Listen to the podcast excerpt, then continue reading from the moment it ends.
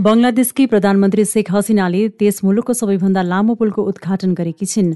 बङ्गलादेश भएर बग्ने पद्मा नदीमाथि निर्मित छ किलोमिटर लामो पुलको प्रधानमन्त्री हसिनाले उद्घाटन गरेकी हुन्। वर्षौंको ढिलासुस्ती राजनीतिक संघर्ष उच्च लागत खर्च र भ्रष्टाचारको आरोपका बीच आठ वर्ष लगाएर यस पुलको निर्माण सम्पन्न भएको हो। यो पुलले विपन्न दक्षिण पश्चिम बङ्गलादेशलाई रेलमार्ग एवं सड़क मार्गले राजधानी ढाकासँग जोड्नेछ। पुलमा दुई तह रहेका छन्। माथिल्लो तहमा गाडी दौड्नका लागि चार लेनको सड़क निर्माण गरिएको छ भने तल्लो तहमा एकल ट्र्याकको रेलमार्ग बनाइएको छ। शेख हसिनाको सरकारले उच्च प्राथमिकतामा राखेको यस पुलले बंगलादेशको अर्थतन्त्रमा सकारात्मक प्रभाव पार्ने विश्वास गरिएको छ। तीन अर्ब छयासी करोड़ अमेरिकी डलर लागतमा निर्मित यो पूर्वाधार निर्माण परियोजना बंगलादेशको इतिहासकै सबैभन्दा महत्वाकांक्षी एवं ठूलो मध्येको एक परियोजनाको रूपमा पनि हेरिएको छ। यो पुलको निर्माण चिनिया कम्पनीले सन् दुई हजार पन्ध्रमा सुरु गरेको थियो। यद्यपि पछि बंगलादेश सरकारले आफैले क्यानाडाको निर्माण कम्पनीसँग सम्झौता गरी यस परियोजनालाई अघि बढाएको थियो। यद्यपि पुल निर्माता कम्पनी भ्रष्टाचार प्रकरणमा मुछिएपछि विश्व ब्याङ्क एवं अन्य दात्री निकायहरूले यस परियोजनाबाट हात झिकेका थिए। क्यानाडाको एसएनसी लाभान कम्पनीले पुल निर्माण सम्बन्धी सरकारी अधिकारीलाई घुस दिएको आरोप लगाउँदै विश्व ब्याङ्कले आइन्दा एक दशकसम्म आफ्नो कुनै पनि परियोजनामा यस कम्पनीलाई सहभागी नगराउने निर्णय गरेको थियो। क्यानाडाका अभियोजनकर्ताहरूले यस कम्पनी विरुद्ध मुद्दा दायर गर्न अस्वीकार गरेका थिए। शेख हसिनाले पछि आफ्नो सरकारले यो परियोजना आफै निर्माण गर्ने दृढता व्यक्त गरेकी थिइन्। उनले यो घोषणालाई मुलुकभित्रकै अर्थशास्त्री तथा राजनीतिक विपक्षीहरूले निकै अपत्यारिलो शैलीले हेरेका थिए। यसअघि बंगलादेशले यतिको स्तरमा पूर्वाधार निर्माण परियोजना अघि नबढाएको र दात्री निकायहरू पनि पछि हटेको कारण मुलुकभित्रका मात्रै नभएर मुलुक बाहिरका अर्थशास्त्रीहरूले पनि बंगलादेशी कदमको आलोचना गरेका थिए। पुल उद्घाटन समारोहमा प्रधानमन्त्री हसिनाले भनिन् केही मानिसहरू हामी सधैँ अरूकै भर पर्नुपर्छ भन्ने गर्थे तर हाम्रा राष्ट्रपिता बङ्गबन्धु शेख मुजिबुर रहमान हसिनाका पिताले शेख मुजिबुर रहमानले हामीलाई आत्मसम्मान सिकाउनु भएको छ। यो पदमा पुल इट र सिमेन्टको थुप्रो मात्र होइन। उनले भनिन् यो पुल बंगलादेशको गौरव इज्जत र सक्षमताको पहिचान हो। श्रीलङ्काले इन्धनमा कटौती गर्ने जनाएको छ। श्रीलङ्काका लागि आयात भई आएका डिजेल पेट्रोल र कच्चा तेल प्राप्त गर्न नसकेपछि उसले देशभित्रै इन्धन कटौती गरेको हो। श्रीलङ्काली इन्धन तथा ऊर्जा मन्त्री कञ्चन विजकेश्वरीले यसबारे जानकारी दिएका हुन्। यस हप्ताका लागि आएको इन्धन प्राप्त नभएपछि श्रीलङ्काले इन्धनमा कटौती गर्ने जनाएको बताइएको छ। बैंक तथा वित्तीय संस्था र अन्य सहयोगको अभावका कारण श्रीलङ्काको सरकारी आयल निगम सिलोन पेट्रोलियम पेट्रोलियम वितरक कम्पनीले यहाँका सरकारी तथा निजी क्षेत्रलाई दिने इन्धनमा कटौती गर्ने जनाएको हो।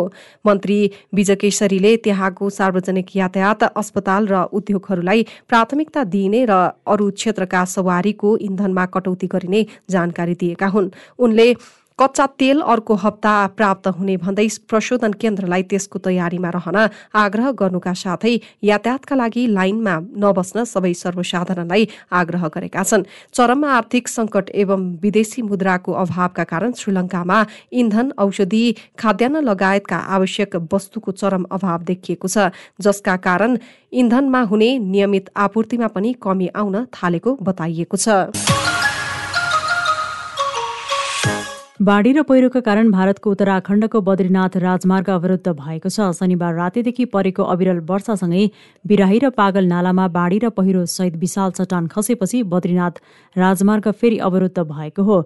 स्थानीय प्रशासनबाट प्राप्त जानकारी अनुसार राजमार्गको जीर्णोद्वार तथा चट्टान पन्छ्याउन सड़क प्रभावका कर्मचारी क्रियाशील रहेका छन्। अघिल्लो महिना पनि उत्तराखण्डको कर्णप्रायकको पाँच पुलिया नजिकैको बद्रीनाथ मार्गमा पहाडबाट ढुङ्गा खसेपछि यातायात सेवा अवरुद्ध भएको थियो। हनुमान चट्टी नजिक ढुङ्गा खस्दा र लाम्बा गाड नालामा पानी बढेपछि त्यस दिनको सवारी आवागमन केही घण्टा अघि मात्र ठप्प भएको थियो। अलकनन्दा नदीको किनारमा अवस्थित भगवान विष्णुको पवित्र धाम बद्रीनाथमा वर्षिनी धेरै श्रद्धालु तीर्थयात्री पूजा अर्चनाका निमित्त जाने गरेका छन्।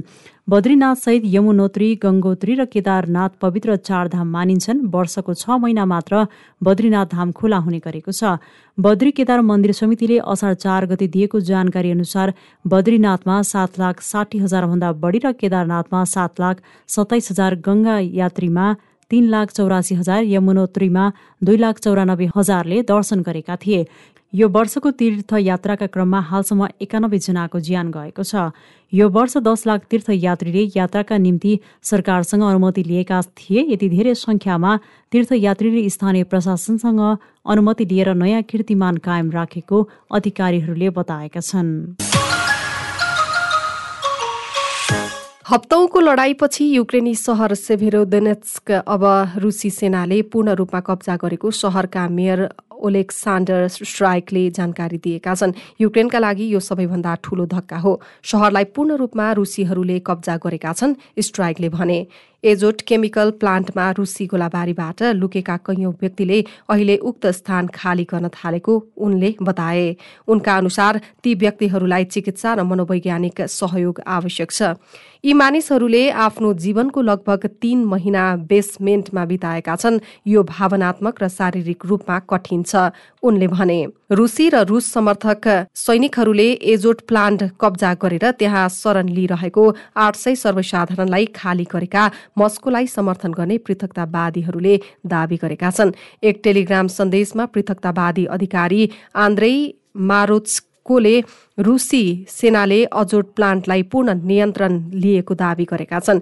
युक्रेनले अब छिमेकी सहर लिसिचान्स्कलाई राम्रोसँग रक्षा गर्ने जनाएको छ। यसैबीच रुसले पश्चिमी छिमेकी एवं नजिकको साझेदार बेलारुसलाई आणविक शक्ति सम्पन्न क्षेप्यास्त्र उपलब्ध गराउने भएको छ। रुसी राष्ट्रपति भ्लादिमिर पुटिनले बेलारुसलाई आगामी महिनामा छोटो दूरीसम्म मार हान्न सक्ने आणविक हतियार बोक्न सक्ने क्षेप्यास्त्र प्रदान गर्न लागि जनाएका हुन्।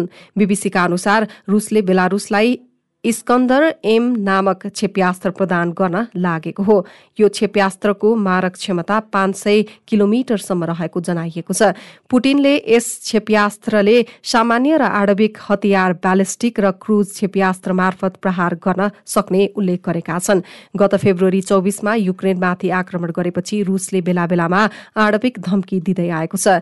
युक्रेनमाथि आक्रमणको प्रारम्भिक दिनहरूमा पुटिनले आफ्नो मुलुकको आणविक बललाई सतर्कता रहन निर्देशन दिएका हुन्। त्यस यता रुस र पश्चिमा मुलुकहरूबीच तनाव चुलिरहेको बेला रुसले बेलारुसलाई आणविक हतियार प्रहार गर्न सक्ने क्षेप्यास्त्र प्रदान गर्न लागेका हुन्। हालै बेलारुसको छिमेकी लिथुएनियाले पोल्याण्ड र लिथुएनियाले घेरिएको र रुसको मुख्य भूमिबाट अलग कालिनी नगराद नामक रुसी भूमिमा सामानको आपूर्तिमा बाधा उत्पन्न गरेपछि रुस क्रुद्ध बनिरहेको अवस्थामा पुटिनको पछिल्लो घोषणा सार्वजनिक भएको हो। यसबाहेक सेन्ट पिटर्सबर्ग सहरमा युरोपका अन्तिम तानशाहको संज्ञाबाट कुख्यात बेलारुसी राष्ट्रपति अलेक्जान्डर लुकासेन्कोसँगको भेटवार्तापछि पुटिनले बेलारुसलाई हतियार सहयोग गर्ने घोषणा गरेका हुन्। भेटवार्ताका क्रममा उनले बेलारुसी सुखोई सु पच्चिस लडाकु विमानलाई थप उन्नत बनाएर आणविक हतियार बोक्न सक्षम बनाउन पनि रुसले सहयोग गर्ने घोषणा गरेको बीबीसीले जनाएको छ। हामीले निर्णय गरेका छौं केही महिनाभित्रै बेलारुसलाई हामी स्कन्दर एम सामरिक क्षेप्यास्त्र प्रणाली प्रदान गर्दैछौ। हतियारको हस्तान्तरणका लागि दुवै मुलुकका रक्षा मन्त्रालयले सहकार्य गरी तय गर्ने जनाइएको छ। स्कन्दर क्षेप्यास्त्र प्रणाली हाल कालिनी नगरादमा तैनात रहेको बीबीसीले जनाएको छ। यसैबीच विश्वका सबैभन्दा ठूलो अर्थतन्त्रहरूको समूह जी सेभेनका नेताहरूले रुसी सुनमाथि प्रतिबन्धको तयारी गरेका छन्। जर्मनीको बभारिया राज्यस्थित सोल्स एल्माउमा भेला भएका जी सेभेनका नेताहरूले रुसी सुनको आयातमा प्रतिबन्धको तयारी गरेका हुन्। युक्रेनमा जारी रुसी आक्रमणका कारण विश्वभर खाद्यान्न लगायत अत्यावश्यक वस्तुको चरम अभाव एवं चर्को मूल्यवृद्धि देखिरहेका बेला जी सेभेनले रुसी सुनमाथि प्रतिबन्धको तयारी गरेको हो। अन्तर्राष्ट्रिय समाचार संस्था रोयटर्सका अनुसार बेलायत अमेरिका जापान र क्यानाडाले रुसी अर्थतन्त्रलाई थप कसिलो पार्नका लागि सुनमाथि प्रतिबन्ध लगाउने प्रस्ताव ल्याएका हुन्। यसबारे मंगलबार सार्वजनिक घोषणा गरिने रोयटर्सले जनाएको छ। आज हामीले घोषणा गरेको कदमले रुसी धनाड्यमाथि प्रत्यक्ष प्रभाव पार्नेछ र पुटिनको युद्ध मेसिनको मुटुमै प्रहार गर्नेछ। बेलायती प्रधानमन्त्री बोरिस जोन्सनले जारी गर्दै विज्ञप्तिमा उल्लेख गर्दै रोयटर्सले जनाएको छ। आज हामीले घोषणा गरेको कदमले रुसी धनाड्यमाथि प्रत्यक्ष प्रभाव पार्नेछ र पुटिनको युद्ध मेसिनको मुटुमै प्रहार गर्नेछ। बेलायती प्रधानमन्त्री बोरिस जोन्सनले जारी गरेको विज्ञप्ति उद्धृत गर्दै रोयटर्सले जनाएको छ। हामीले पुटिनको सत्तालाई पैसाको भोकमरी लगाउनु आवश्यक छ। जोन्सनले भने सुनको निर्यात रुसको विदेशी मुद्रा आर्जन गर्ने महत्वपूर्ण स्रोत रहेको रोयटर्सले जनाएको छ। रुससँग गत वर्ष पन्ध्र अर्ब पैँतालिस करोड डलर बराबरको सुन निर्यात गरेको रोयटर्सले जनाएको छ। र दक्षिण अफ्रिकाको एउटा नाइट क्लबमा बाइसजनाको शव फेला परेको छ। दक्षिण अफ्रिकाको इस्ट लन्डन सहरमा रहेको नाइट क्लबमा बाइसजनाको शव फेला परेको अन्तर्राष्ट्रिय समाचार संस्था रोइटर्सले जनाएको हो। बीबीसीका अनुसार एनयोबेनी टार्वेनमा आज एका बिहानै सत्रजनाको शव फेला परेको थियो। त्यहाँ अरू केही मानिसहरू घाइते भएको देखिएको पनि जनाइएको छ। घटनाको अवस्थाबारे अनुसन्धान अघि बढाइएको प्रहरी प्रवक्ता ब्रिगेडियर टेम्बी कोन्से किनानले दक्षिण अफ्रिकाको न्युज रुम अफ्रिका टेलिभिजन च्यानललाई जानकारी दिए। घटनाबारे अहिले नै निष्कर्षमा पुग्न नहुने उनले बताएको बीबीसीले जनाएको छ।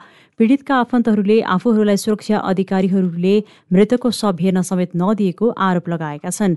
दक्षिण अफ्रिकाको इस्टर्न केप प्रहरी आयुक्त नेम्थे थेलेली लिलियानले दक्षिण अफ्रिकाको प्रसारण संस्था एसएबिसीलाई बताए अनुसार नाइट क्लबभित्र संदिग्ध भागदौड मचिँदा घटना भएको देखिएको छ। घटनामा मारिएका अधिकांशको उमेर अठारदेखि बीस वर्ष रहेको छ।